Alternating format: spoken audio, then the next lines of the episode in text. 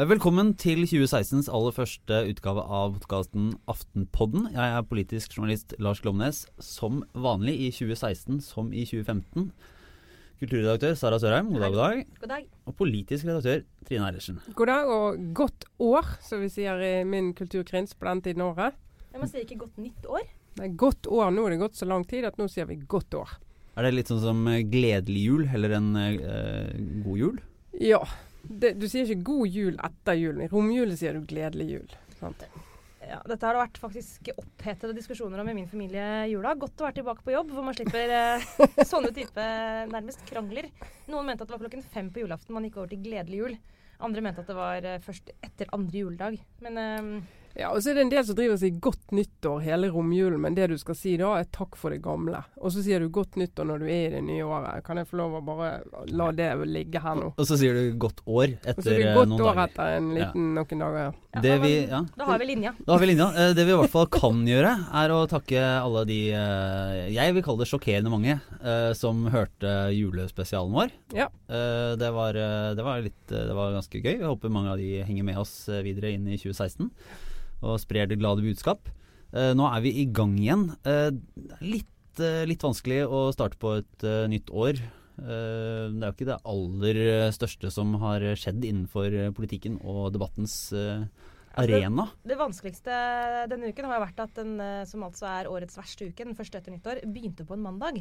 Den pleier ofte å være veldig sånn kort. Det pleier å være sånn at man begynner på jobb en onsdag kanskje, og så jobber man to-tre dager, og så er det helg igjen. Mm. Men nå har vi holdt ut helt siden mandag. Vi syns vi har gjort en OK innsats. Og vi ikke, kom, Ok, og vi ikke ja. kommet lenger enn onsdag. nei. Ja, det er riktig, det.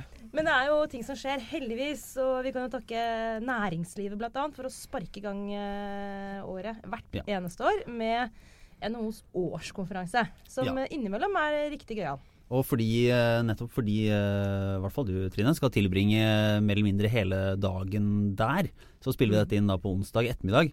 Og er således tidlig ute. Mm. Men eh, NHOs årskonferanse, et av sånne en av de merkesteinene i det politiske og næringslivsåret.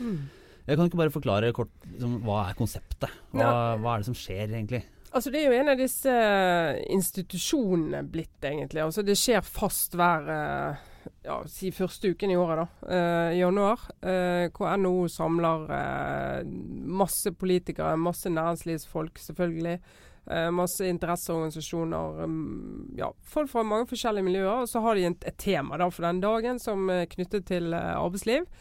eh, på en eller annen måte, eller næringsliv, da, først og fremst. Og så prøve å få i gang en diskusjon om det. Og så er det jo denne her middagen på kvelden, som eh, sammen med eh, Norges Bank sin årsmiddag om en drøy måned, halvannen, vel er de to, eh, to viktigste sånn møteplassene for eh, makteliten, i hvert fall på vinteren. Ja, og så må du ikke mm. glemme nachspielet etterpå også, Trine. Som innimellom er det som er aller mest interessant med hele konferansen. Ja, og en sånn eh, nachspiel etter eh, disse toppenes middager har jo det til felles at de begynner sånn klokka ni eller et eller annet. Eh, men, men fort i pressens eh, omtale blir et nachspiel. Og et av de mer kjente var vel da Trond Giske var i, i clinch med eh, Telenor. eh, Og nåværende NHO-sjef, den gangen Telenor-direktør Kristin Skogen Lund. Ja, på uh, Lorry, som jo har et eh, rykte for å være der sånne ting ender opp. Ja. Men er det, altså hvor mye, hvor viktig er det som skjer der? Er det no, har det noen betydning, eller er det en sånn se og bli sett-anledning? Altså Det NHO har uh, fått til, og de, de jobber jo nesten hele året. En gruppe jobber jo veldig lenge med denne konferansen. Eh, det er jo også eh, spotte noen tema som er politisk interessante, som er interessante for samfunnsdebatten. De har hatt om utdanning, de har hatt om eh, klima, de har hatt om liksom de store temaene. Og i år er det jo denne her, altså nye næringslivet, nye arbeidslivet som er preget av teknologi, delingsøkonomi. Altså en del av de temaene som eh, bl.a. vi i Aftenposten har eh, bestemt oss for å bruke mye plass og energi på, fordi vi ser det preger arbeidslivet vårt og næringslivet vårt. Eh, på en måte som vi veldig tror de færreste av oss helt aner rekkevidden av. Vi merker det litt sånn på forbrukersiden med Uber-taxier og Airbnb, eh, romutleie og husutleie og litt sånn. Men vi ser at det kommer mer og mer inn i arbeidslivet på mange mange måter. disse her altså teknologi, hvordan det ja, friksjoner løses opp, og du får nye markeder eh, på steder der kunder og tilbydere møtes. Så blir eh, svært tema, altså. Men Kristin Skogen Lund var ute i et intervju, mm, et stort intervju uh, som det heter. Uh, langt intervju. Et såkalt bredt anlagt intervju, ja. som vi elsker rundt juletider her ja, i denne bransjen. Uh, I Aftenposten i uka som var, og snakka om at nordmenn ikke har tatt inn over seg denne omstillingen som skal skje, da, og at, at man ikke har forstått hvor stort dette er, og hvor, hvor viktig det er. og er det ting du jobber jo med, du har litt ansvar for det feltet her i, i Aftenposten, har du ikke det, Sara? I hvert fall med på det. Det så litt spørrende ut når jeg sa det nå, men det stemmer det. Jeg var så på hvilket felt du skulle nevne, ja, ja. men eh, jeg kan heldigvis ikke bekrefte det. Men jeg på, er det, er det i 2016 at dette liksom treffer vanlige folk? Ja. Er det at politikerpraten møter virkeligheten? Ja, faktisk. Hun har helt rett. Eh, og det eh, gikk plutselig opp for meg en gang i løpet av 2015. Jeg tror det er et sånt, sånt aha-øyeblikk for mange nå som, som egentlig handler om at en utvikling som har vært der egentlig nesten hele min levetid, Eh, vi snakker hele, ikke sant? Den digitale revolusjonen. Den har, eh, den har, gått og gått og gått, og så kommer den, kommer den, til et punkt hvor den plutselig eksploderer. Og du får en sånn vanvittig eh, Nesten en sånn eh, supernova-eksplosjon hvor all mulig utvikling og forskning, forskning eh, nesten samtidig eh, finner nye løsninger. Den industrielle revolusjonen, bare for å trekke en veldig kjapp historisk parallell, den rusla og gikk veldig lenge, og så kom dampmaskinen. Og så plutselig i løpet av en femårsperiode så var arbeidslivet slik de kjente det den gangen, helt uh, kastet opp ned. Det uh, er det egentlig all grunn til å tro at kommer til å skje, om ikke i løpet av 2016, så i hvert fall i løpet av de neste to-tre årene.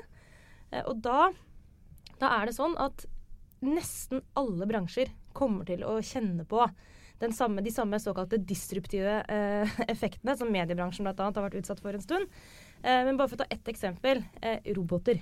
Det er jo noe vi har vokst opp med som en sånn science fiction-ting. Men eh, nå lager man roboter som kan gjøre jobben for mennesker. Eh, I Norge har vi allerede et skipsverft lager, altså hvor robotene lager eh, skipene.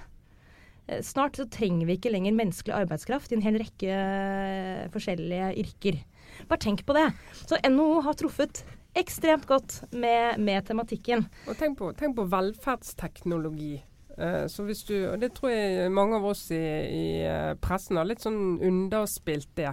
Men hvis du hører enhver sånn politiker som er opptatt av eh, eldreomsorg, så er hele premisset for at vi skal klare å ta hånd om så mange eldre som vi skal klare å ta hånd om i Norge, det er jo teknologi. og Det høres jo helt sånn skremmende ut, for det vi egentlig snakker om og ønsker oss er varme hender.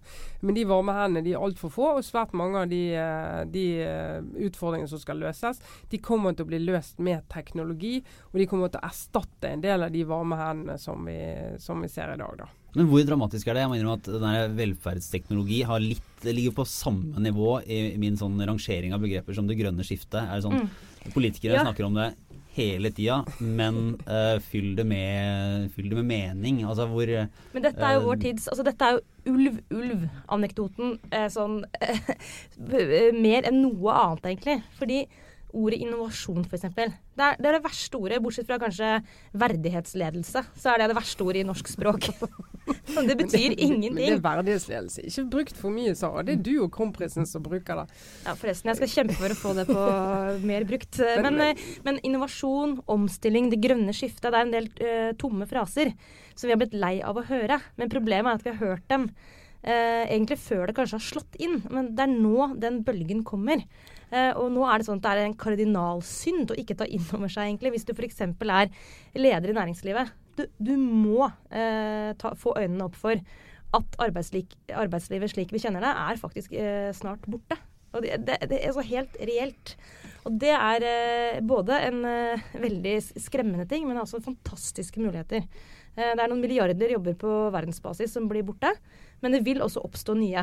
Så de neste fem årene blir utrolig spennende. Men det var jo en eh, For i og for seg konkretisere den biten litt, så, så jeg husker jo fra Det er jo noen år siden nå man snakka om liksom internett og det liksom fantastiske eh, felles eh, liksom, torget, og alt skal kunne deles, og det vil være liksom Man ser nye ting hele tida. Så gikk det egentlig noen år der veldig lite skjedde. Uh, og så har det liksom plutselig de siste par årene så har det våkt, uh, for ordentlig med liksom Airbnb og Uber og, og de tinga som man nå ser går rett inn i samfunnsdebatten om hvordan man skal uh, etter hvert drive, altså regulere og finne løsninger på.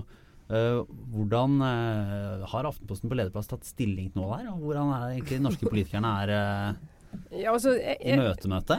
Aftenposten eh, vi er fremtidsoptimister. Vi er utviklingsoptimister og teknologioptimister. Så jeg mener jo at vårt utgangspunkt skal være å se etter uh, muligheter i utvikling og teknologi. Uh, men så er det klart at en del av den utviklingen den utfordrer noen av de strukturene og systemene som vårt samfunn er bygget opp rundt. Ta, ta arbeidsliv, eller regulering av markedet, og ta taximarkedet. da. Eh, norske taxier eh, de, en, de, er jo regulert på en måte som gjør at du, i store deler av landet så er det f.eks. drosjene som sørger for at du har et transporttilbud om natten. Det er en del av avtalen de har. Eh, og de vil da mene at eh, en Uber-løsning som skal komme inn og spise resten av markedet, det det vil liksom undergrave den modellen fullstendig. Så plutselig har du ingen drosjer som uh, kjører om natten på, på små steder. Altså du, vi har, en, vi har en, et, et samfunn og et system der uh, en del av næringslivet, tjenesteytingen og ikke minst arbeidslivet er så gjennomregulert mm. at vi merker at vi allerede nå stanger veldig uh, mot de grensene som, som, vi oppfatter som ganske sånn som faste. da. Men dette er en utfordring på så mange plan, politisk også. Mm. Vi har jo et, eh, vi har eh, en høyre-venstre-akse i norsk politikk som på veldig mange måter er basert på eh, egentlig sånn hvordan vi har organisert oss i arbeidslivet. Veldig mye vi skal si, altså hele, hele arbeiderbevegelsen f.eks. blir stilt overfor utrolig vanskelige spørsmål nå. Fordi det å kjempe, det å fortsatt kjempe for å beholde alle de faste, gode ordningene eh, i arbeidslivet, som fagbevegelsen, som det jo heter på, på venstrisk, holdt jeg på å si, eh, som fagbevegelsen har eh, kjempet frem gjennom alle år. Det blir snart litt meningsløst, fordi måten vi kommer til å være tilknyttet arbeidslivet på de neste årene, kommer til å være basert på frilansvirksomhet og løselig og midlertidig tilknytning. Og det er helt fornuftig. Det gir ikke noe mening lenger å kjempe mot det. Men hva skal de da gjøre? Det er litt bekymringsverdig å høre to redaktører eh, snakke om uh, den fremtidige frilanstilværelsen. Ja, ikke sant? Uh, men, men det, det, er en sånn, det, det, gjelder jo for oss som arbeidsgivere også. Uh, hvordan skal vi men for arbeidsgivere er det jo et åpenbart gode, men er det et gode for arbeidstakerne? Ikke, ikke, nødvendigvis. Ikke nødvendigvis. Altså Ta vår bransje, da. Uh, det, det skal diskutere med en del i, i, fjor da regjeringen endret uh, arbeidsmiljøloven. og Det var det jo demonstrasjoner og, og streik mot uh, muligheten for å ha en, altså åpne for midlertidige ansettelser i større grad. Og det var liksom, dette, dette er en stor fordel for arbeidsgiverne. Altså, det er ikke gitt at arbeidsgiverne vil se det sånn. For en del, altså en del kompetanse som vi konkurrerer om, og de sier det at hvis jeg skal jobbe hos dere, vil jeg ha en fast ansettelse. Det vil jeg ha. Jeg vil ha sikkerheten, jeg vil ha pensjonsordningen, jeg vil ha det. Så kan du som arbeidsgiver si ja, men det får du ikke. Fordi at vi vil kun ha frilansere og midlertidig ansatte. Nei vel, men da går jeg til noen som kan gi meg det. Altså så En del typer arbeidstakere vil jo kunne styre det, men så er det klart så er det andre grupper arbeidstakere som ikke er i posisjon til å kunne styre det, eh, og som eh, vil ha en mye mer sånn usikker relasjon til arbeidslivet, som gjør det for eksempel, kan gjøre det vanskelig for en del å ta opp lån for å kjøpe hus, f.eks. Jo, men det, det, er jo ett aspekt. Men noe annet er jo også, eh, sett fra arbeidsgiverståsted, en annen utfordring er jo at de flinkeste menneskene er ikke sikkert at kommer til å være interessert i å ha fast tilknytning overhodet. De vil bare ha mye høyere lønn når de først jobber? Yes, de vil ha ja. goder og høy lønn, men de vil ha friheten til å bevege seg videre. Ja, ta de store NRK-profilene f.eks. De fleste de er jo ikke ansatt i NRK. De har jo et eget selskap, og så Eh, leier de ut seg sjøl til NRK, og så leder de de programmene. Og så holder de på masse butikk på si, som gjør at de tjener jo langt mer enn de kunne gjort uh, som uh, ansatte i NRK. De, men de er en liten håndfull av de som jobber der, og de aller fleste de er selvfølgelig glad og fornøyd med den faste tilknytningen de har. Men grunn til at vi snakker så mye om dette med fleksibilitet og midlertidighet uh, knytta opp mot de endringene vi ser nå, det er jo at nettopp fordi teknologien går så fort, så vil de aller fleste yrker være i en såpass uh, stor endring over såpass lang tid at den der kompetansen, også et annet uh, slitt ord, men uansett, den kompetansen du sitter med, varer ikke så lenge lenger. Så en av nøkkelevnene uh, for å være en god uh, ansatt kommer til å være evnen til å rett og slett lære deg nye ting. Evnen til å forandre deg. Evnen til å hele tiden liksom henge med. Og Det stiller jo helt nye krav også, og det står jo i strid med ønsket om trygge rammer og forutsigbarhet. Så, um, Men skulle jo tro at det gir mer makt til arbeidsgiver? Ja, på en måte. Altså, det, det er ikke så lett å si hvordan det slår ut. Jeg tror, eh, som Trine var inne på, at dette blir, slår veldig forskjellig ut for ulike eh, yrkesgrupper. Noen Men, vil dessverre oppleve både å miste jobben, mange flere enn vi har sett hittil. Mange vil oppleve stor utrygghet, mens andre igjen vil eh, rett og slett se at det åpner seg fantastiske nye muligheter, og vil få et mye morsommere arbeidsliv. Og så er jo en utfordring for våre politikere det er jo det at altså man kan si ja, men vi ønsker ikke disse endringene i arbeidslivet. Så Derfor så kan vi, vi forby f.eks. For eksempel, eh, forskjellige måter å organisere tjenester på. Men det er en litt sånn ryggen mot veggen-strategi eh, som varer så lenge som den varer. Norge er en del av en global økonomi. Eh, og den teknologiutviklingen skjer uansett, og det kommer til å påvirke tjenestetilbydningen i Norge. Og det gjør det sildrer inn, det pipler inn. Så det, våre politikere er nødt til å gjøre det, og så diskutere med et åpent sinn hvordan angår det oss, hvordan angår det det systemet vi har, og hvordan skal vi møte det. For de må ha et, et, et forhold til det, mer enn sånn enten konserverende der vi er i dag, eller et helt fullt frislepp. Eh, la oss åpne opp og se hva som skjer. Det tror jeg ikke er noe uh, fornuftig vei å gå. da. Dette her, denne tematikken, som jo nå starter litt sånn eh, sparker i gang eh, nyhetsåret 2016 pga. denne konferansen, men denne tematikken kommer til å være en av de sakene som kommer til å prege også det vi holder på med. Megatrendene, ikke det ja. vi kaller det når vi skal dekke det over tid? Eh. Kan vi jo skyte inn også at, vi, eh, at, Aftenposten arrangerer en konferanse i slutten av måneden med samme tema. Mm -hmm. eh, som eh, ser ut til å bli riktig så bra, eh, men eh, som også er litt sånn Kjenn din besøkelsestid. Jeg tror hvis du særlig hvis du sitter som eh, leder i næringslivet, mm. så er det litt sånn Hvis ikke du har skjønt dette ennå, så har du ca. en måned på deg til å, til å, gjøre det. Hvis ikke så går det toget. Litt den følelsen. så det er den ene store saken som vi kan si allerede nå, er det, det, det tematikken som vi kommer til å bruke mye tid på i Aftenposten. Eh, den andre er selvfølgelig flyktningsituasjonen, mm. som jo prega særlig siste halvdel av 2015. Det var den store saken eh, i høst og vinter, men som jo egentlig kanskje bare så vidt har begynt, og som i hvert fall kommer til å eh, på en annen og kanskje enda vanskeligere måte egentlig prege samfunnsdebatten og også da journalistikken eh, hele dette året. Og da har jo Sylvi Listhaug starta friskt med å følge opp eh, flertallsenigheten på Stortinget med sine, sine, forslag som nå er ute på høring.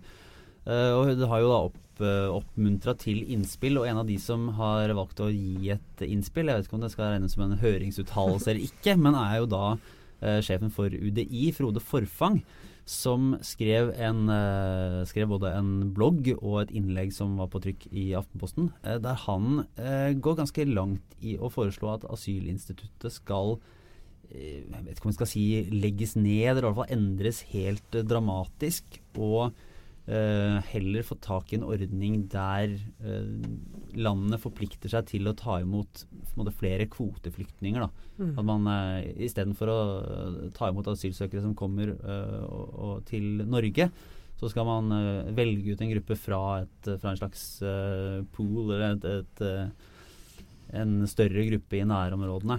Basert på hvem som virkelig aller mest trenger beskyttelse. Han, han, han legger også til grunn for uh, denne kommentaren at, at, vi må bare erkjenne at systemet slik det er i dag, har sviktet. Altså at, at det er uh, rett og slett ikke mulig å se for seg at man kan løse eh, krisa med det systemet vi har i dag.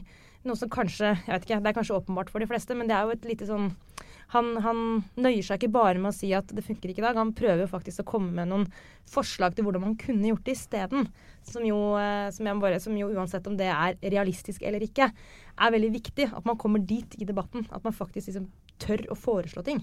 Det begynte jo, uh, altså Frp har jo ment lenge at uh, asylordningen uh, sånn som den eh, blir praktisert nå, den har utspilt sin rolle. Og den eh, bidrar til i seg sjøl til å skape et marked for å få fraktet folk gjennom Europa og inn til eh, politi, eh, politistasjoner rundt omkring i, i, europeiske land for å få de til å søke asyl der, med sannsynligheten for at de da får eh, bli hvis de kommer fra det rette landet. Uh, og har ment at uh, istedenfor å ta imot uh, masse asylsøkere, så bør vi heller ta imot flere kvoteflyktninger. Altså mennesker som er en del av silingsordningen til FN, intervjuordningen til FN, folk som sitter i flyktningleirene.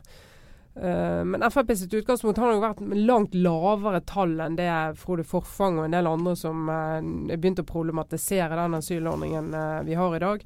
Eh, så det er nok litt skeivt når Frp tar dette til inntekt for så Per Sandberg i går tar det til inntekt for at nå får Frp nok et gjennomslag for uh, sin politikk. For det som Frode Forfang argumenterer med, det er jo nettopp det sammenbruddet vi har sett det siste året.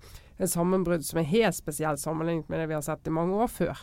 Og han sier at nå ser vi jo at sånn, med denne type folkevandringer, så store tall, så fungerer ikke asylinstituttet. Da får du nettopp den effekten at en gruppe mennesker kan gå utenom flyktningleiren egentlig, og dra rett gjennom Europa. De har ressursene til det, de har helsen til det, de har kreftene til det. Eh, og komme seg opp i disse landene. Og så kommer de seg inn og får asyl, mens det sitter en haug med mennesker i flyktningleirene. Og på å si eh, lojalt sitter de i flyktningleirene med stadig mindre rasjoner eh, mat, mm. stadig dårligere helsehjelp, og venter på å bli intervjuet av FN sine folk. Venter på å bli intervjuet av, av de norske folkene som skal uh, finne ut hvem som skal komme til Norge. Uh, dette er lang, langtekkelige uh, prosesser. Veldig veldig få kommer gjennom nåløyet. Veldig få europeiske land tar egentlig imot kvoteflyktninger. I Norge så bestemte jo Stortinget at vi skulle ta imot 8000 fra Syria før sommeren i løpet av de neste tre årene. Uh, og uh, det ble jo liksom lagt frem som et stort drama, men alle som kjenner systemet, vet jo at de 8000 der, med en gang asylstrømmen virkelig begynner å, å, å strømme, holdt jeg på å si, så er jo de 8000 en bagatell. Og det betyr nesten ingenting. Og det ser vi jo nå, at det er jo sånn det er. Så det er, jeg jeg syns i hvert fall det er, en, det er, en, veldig interessant tanke å si, men da må du ta hele resonnementet til forfang og si at da må, vi, da må vi ta inn over oss at vi må ta imot et langt større antall, alle europeiske land i året enn det vi gjør nå. Vi må liksom bestemme oss for at vi skal ta imot et langt større antall med kvoteflyktninger mm. som kommer via FN-systemet og til, til, oss. da. Men dette er jo en løsning som har vært eh, tegna opp som en litt sånn idealløsning, i hvert fall liksom første skritt av uh, har seg alt fra, fra Fremskrittspartiets uh, Mazyar Keshvari til en del eh, amerikanske intellektuelle som har, har, sett på dette som en løsning. Men er det Altså, hva betyr det at uh, flere nå mener at dette kan være veien videre, og i og for seg at nå så innflytelsesrik uh, ansatt i, under uh, ansvarlig for, for UDI sier det? Er det er det noe som helst realisme i det? Er det på det museskritt på veien mot noe, eller er det en, altså, en, en teoretisk av, øvelse? En del av asylforliket i høst på Stortinget var jo at vi skal se på de internasjonale avtaler og konvensjoner. Vi skal vurdere de. Uh, Jonas Gahr Støre sier det, og så alle sier det må vi gjøre når vi ser at situasjonen blir sånn som den blir. Så du merker i hvert fall i Norge er det en, en, vilje til å se på i hva grad funker de avtaler og konvensjonene vi har nå. I hva grad bør de endres for å tilpasse situasjonen. Så selvfølgelig altså SV som var utenfor det forliket er jo veldig bekymret for at det betyr at du bare sier at nei, vi skal ikke ta imot asylsøkere lenger. Det skal ikke være mulig å søke om den type beskyttelse i Norge. Ja, At asylinstituttet skal falle uten at du får noe eh, alternativ opp? Ikke få noe erstatning for det, da. Uh, og Den bekymringen er jo, er jo lett å, å, å, å skjønne, den. Um, og så er det en annen forutsetning da, som Frode Forfang ikke går så mye inn på, men som selvfølgelig er helt vesentlig. og Det er at alle europeiske land, hele Europa, blir med på tankegangen. Og blir med på en sånn fordelingsordning der vi sier at vi som et kollektiv skal ta imot et visst antall, og så må vi fordele oss imellom. Men det krever jo en, en felles uh, flyktning- og innvandringspolitikk som er langt fra det som er mulig å se for seg i Europa. Vi har vel egentlig beveget oss bort fra en sånn felles forståelse i Europa mm, Helt gjennom det siste året. Det var mye mer samla for et år siden enn det man er nå. Veldig. Det er tragedien i EUs uh, hva skal jeg kalle det for noe, minikollaps. At det, tanken, den vakre, vil jeg si, tanken om et sånt europeisk fellesskap er jo fjernere nå enn kanskje på ja, i hvert fall siden så lenge jeg kan huske i mitt uh, voksne liv, etter at jeg skjønte at EU hadde noe for seg, etter noen år som uh, altså, rebelsk EU. EU. Som vil faren, Sara. Jeg kan jo kan fortelle leserne her at det tok over et år uh, før jeg turte å innrømme overfor Trine Eilertsen her at jeg kom i skade for å være medlem av Ungdom mot EU en liten periode. Men jeg understreket at det var før jeg ble myndig, og jeg kan ikke ta ansvar for mine handlinger. Nei, nei jeg vet det. Jeg, jeg skal bare låte seg ikke hørte det. Men, men det er jo altså, hvis uh, europeiske politikere overhodet skal ha noen rolle og noe ansvar neste år, så er det jo nettopp å få på beina den type samarbeid. Hvis ikke kan de jo ta seg en lang ferie. Men det som også er et aspekt ved denne eh, bloggposten til Forfang, som er som eh, er litt uh, fint, er jo at han som byråkrat uh, og eh, embetsansatt, hvis man kan bruke det ordet om han. Men uh, uansett, han har, ikke, han har vært politiker. Han er gammel Arbeiderpartimann, men nå sitter han i en, i en sånn byråkratrolle. Eh, at han eh, kommer på banen. Og det er befriende i en sak som er så belemret med eh, politikk. selv om, eh, selv om eh, det er en, en, en genuin interesse, tror jeg, hos eh, også politikerne i å løse dette, så ser vi at det er veldig fristende å slå politisk mynt på det. Ref at eh, Per Sandberg automatisk går ut og sa at ja, men dette viser at Frp har hatt rett hele veien, osv. Så, videre. så vi, er det noe denne diskusjonen trenger, så er det jo løsningsforslag uten noe hidden eh, agenda. Altså ærlige forsøk, kunnskapsbaserte, på å komme med løsninger. Eh, og det er jo også sånn litt eh, å håpe at den debatten som nå må komme, eh, kan liksom ha At flere enn Frode Forfang, som sitter egentlig bare med kunnskap, kommer på banen. Eh, og det er en liten utfordring i norsk offentlig debatt generelt. At embetsansatte eh, i så liten grad er en del av den offentlige diskusjonen. Det tror jeg egentlig hadde løfta veld, veldig interessante premissleverandører, da, syns jeg. Uh, og det er jo nettopp i de debattene så har det med å låse seg litt. Nå syns jeg faktisk at norsk innvandringsdebatt ikke har vært så hakkende gal i vinter. Jeg syns at det har vært en uh, større åpenhet, og det har vært mindre sånn grøftegraving på hver sin side enn det vi er vant til. Og det tror jeg fordi situasjonen er så akutt og så reell. Vi mm. sitter på en måte ikke og snakker om abstrakte størrelser. Det er så veldig reelt det vi snakker om. Eh, så man tvinges til å åpne opp og se hva funker, hva, hva må vi gjøre, hvordan skal vi prøve å ikke gjøre dette til en maksimalt polarisert eh, debatt. Men altså, det er jo en polariserende debatt i sin natur, så det kommer ikke vi forbi. Men det er liksom graden av polarisering, da. Uh, da er vi, uh, vi egentlig er vel nesten må nærme oss avrunding av årets første lille podkast. Uh, var det sånn at du, Sara, har jo i kulturverdenen uh, valgt å ta på deg rustningen og stå frem som ja. forsvarer av, av, Fremskrittspartiets favorittforfatter, mm. Ayn Rand. Ja. Kan ikke du fortelle litt det vil kanskje overraske noen. Altså Midt oppi eh, alle disse store og svære megatrendaktige sakene som vi skal og må forholde oss til, så har vi jo andre ting vi må ta litt ansvar for også her i Fjerde statsmakt. Og denne uka har jeg brukt litt tid på å tenke og til slutt gjøre en øvelse som satt langt inne, men det er å komme ut av uh, Ayn Rand-skapet. Eh, forfatteren som eh, ofte er den eneste eh, som nevnes av Frp-politikere, men nevnes også veldig ofte som favorittforfatteren. Og det er jo fordi at hun står bak den såkalte objektivismen, er det ikke det den kalles? Ideologien som setter individet og egoet i sentrum. det, uten å dra hele historien, så var hun flyktning fra kommunist-Russland, eller Sovjet. Og uh, mye skyldes nok også en sånn uh, ganske dårlig erfaring med kollektive løsninger. Så hun falt ned på det motsatte. Men det som ofte glemmes litt, er jo at Rand uh, har skrevet en utrolig god roman. Og det er ikke den som eh, folk flest kanskje eh, folk flest. har hørt om? ja, altså, eh, folk flest, eh, altså i dette tilfellet Fremskrittspartipolitikere, som vel omtrent er like lite folk flest som det jeg er. Men, eh, men de snakker jo ofte om eh, Atlas Shrugged, som er hennes hovedverk, kanskje.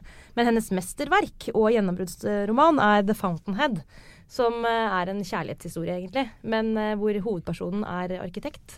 Og en modernistisk en. En skikkelig sånn avantgarde uh, hard negl.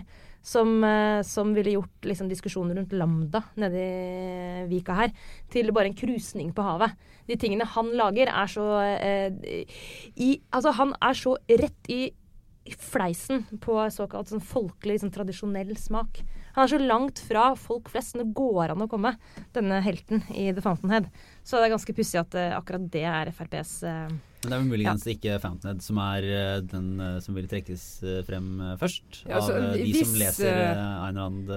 Nei, men det er såpass belasta med at det er Rand som har skrevet den, at jeg faktisk måtte, nesten, jeg måtte liksom spørre Trine i dag om det er, er, det for, er, det, er det for rammende å stå frem som en som virkelig elsket Fountainhead. Men heldigvis Ja, jeg, jeg, leste den med stor glede, og så så jeg for meg at denne arkitekten Rorke, det han heter Mm. Skal uh, sitte og diskutere uh, Operahuset og eller Lambda med Carl I. Hagen. Og så skal Carl I. Hagen si at det kan ikke alt dette foregå inne på den gamle Vestbanen.